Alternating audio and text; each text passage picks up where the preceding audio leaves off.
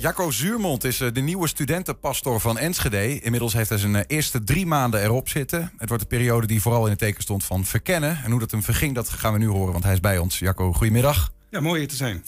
Um, hoe, hoe, waren die eerste maanden als eh, studentenpastor?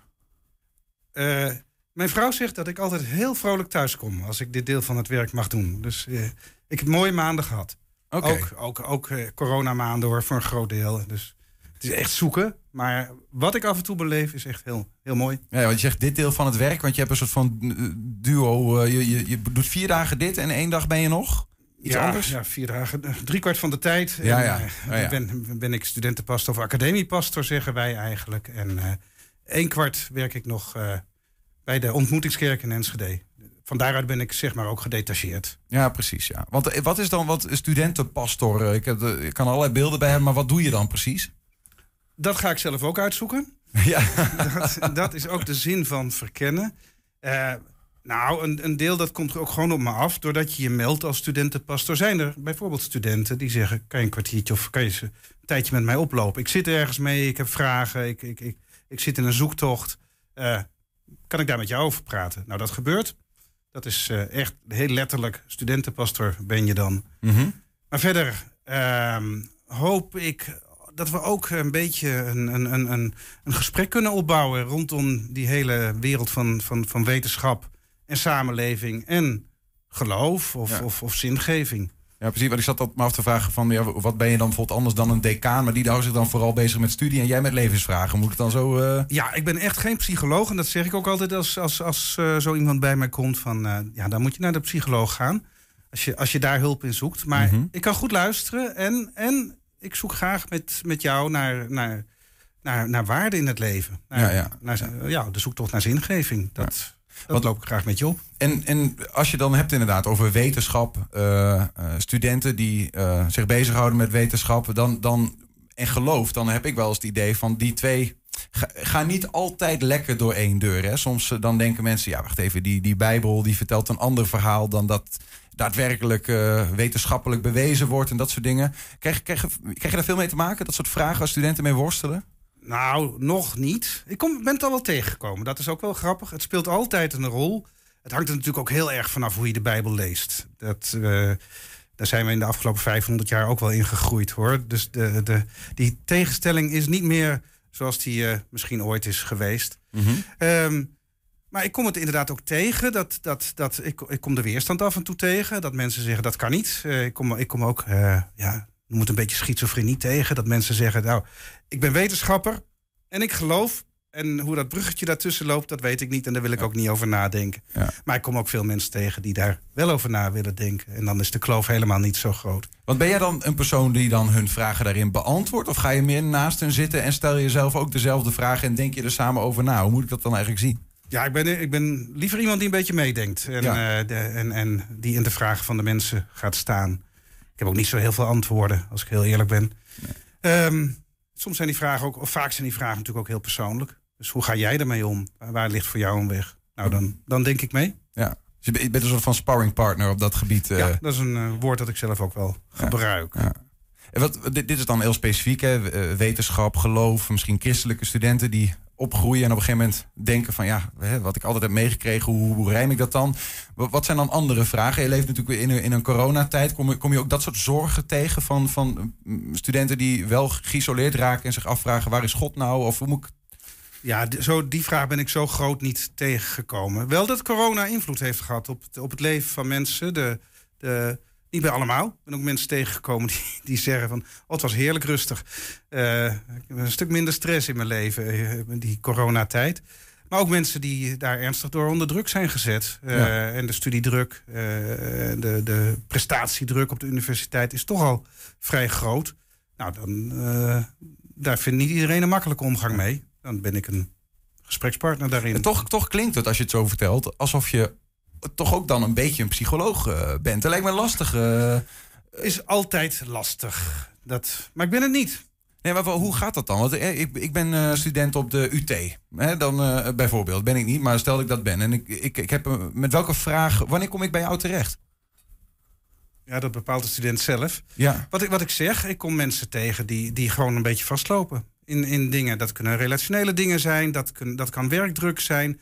Maar werkdruk heeft ook altijd te maken met, ehm, zeker in die leeftijd, met wat wil ik eigenlijk in mijn leven? Wat vind ik nou echt van waarde? Is, is dat, dat scoren op deze prestatieladder, is dat nou het allerbelangrijkste? En moet ik daar alles voor opgeven? Of, of zijn er ook nog andere waarden in het leven?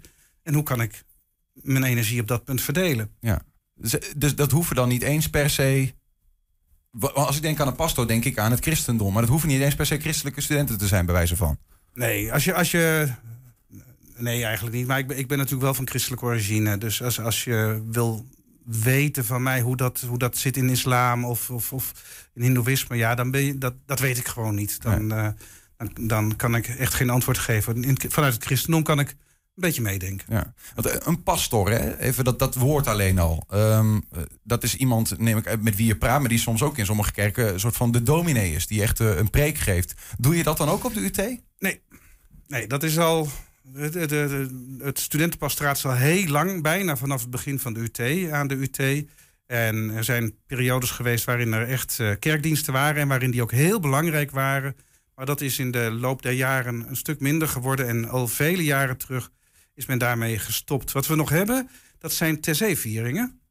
Uh, eh, dat is één keer in de maand. Dat is heel anders van aard. Als ik één ding daar niet doe, dan is dat preken. Oké, okay, wat Taizé-vieringen zeg je? Dat, ja, dat, dat, klooster, dat klooster in, uh, in Frankrijk, in Frankrijk heet Taizé? Ja, en dat zijn veel, die, die vieringen zijn heel meditatief van aard.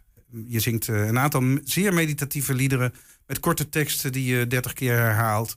Je bent heel veel stil. Klinkt, klinkt boeddhistisch bijna, of in ieder geval klinkt nou, oosters. Ja, het is, het is, nou ja, ik noem dat gewoon meditatief van aard. Ja, en, en, dat werkt. En die, en die tekst doet wat met jou. En ik hoef me daar als dominee niet zo uh, tegenaan te bemoeien. Is dat druk bezocht, zo'n uh, zo'n bijeenkomst?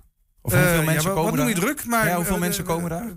kijk, ze vallen nu alweer uit, dankzij corona. Nu mogen er nog maar vier mensen komen. Maar we hebben het een tijdje in de zomer, ook toen het al behoorlijk koud werd... hebben we dat in dat amfitheater op de UT gedaan... En daar zaten toch 25 uh, man-vrouw zo op de tribunes. Uh, wat iedereen meeviel. Ja, precies. Nou, 25. Zeer sfeervol. Ja, ja. En hoe verhoudt zich dat dan eigenlijk tot? Want ik begrijp dat er zit ook een, uh, hoe heet het, een International Christian Fellowship, geloof ik. Um, is, er, is, is er binnen de studenten bij, uh, in Enschede? Hoe verhoudt zich dat tot, tot zo'n bijeenkomst? Goeie vraag.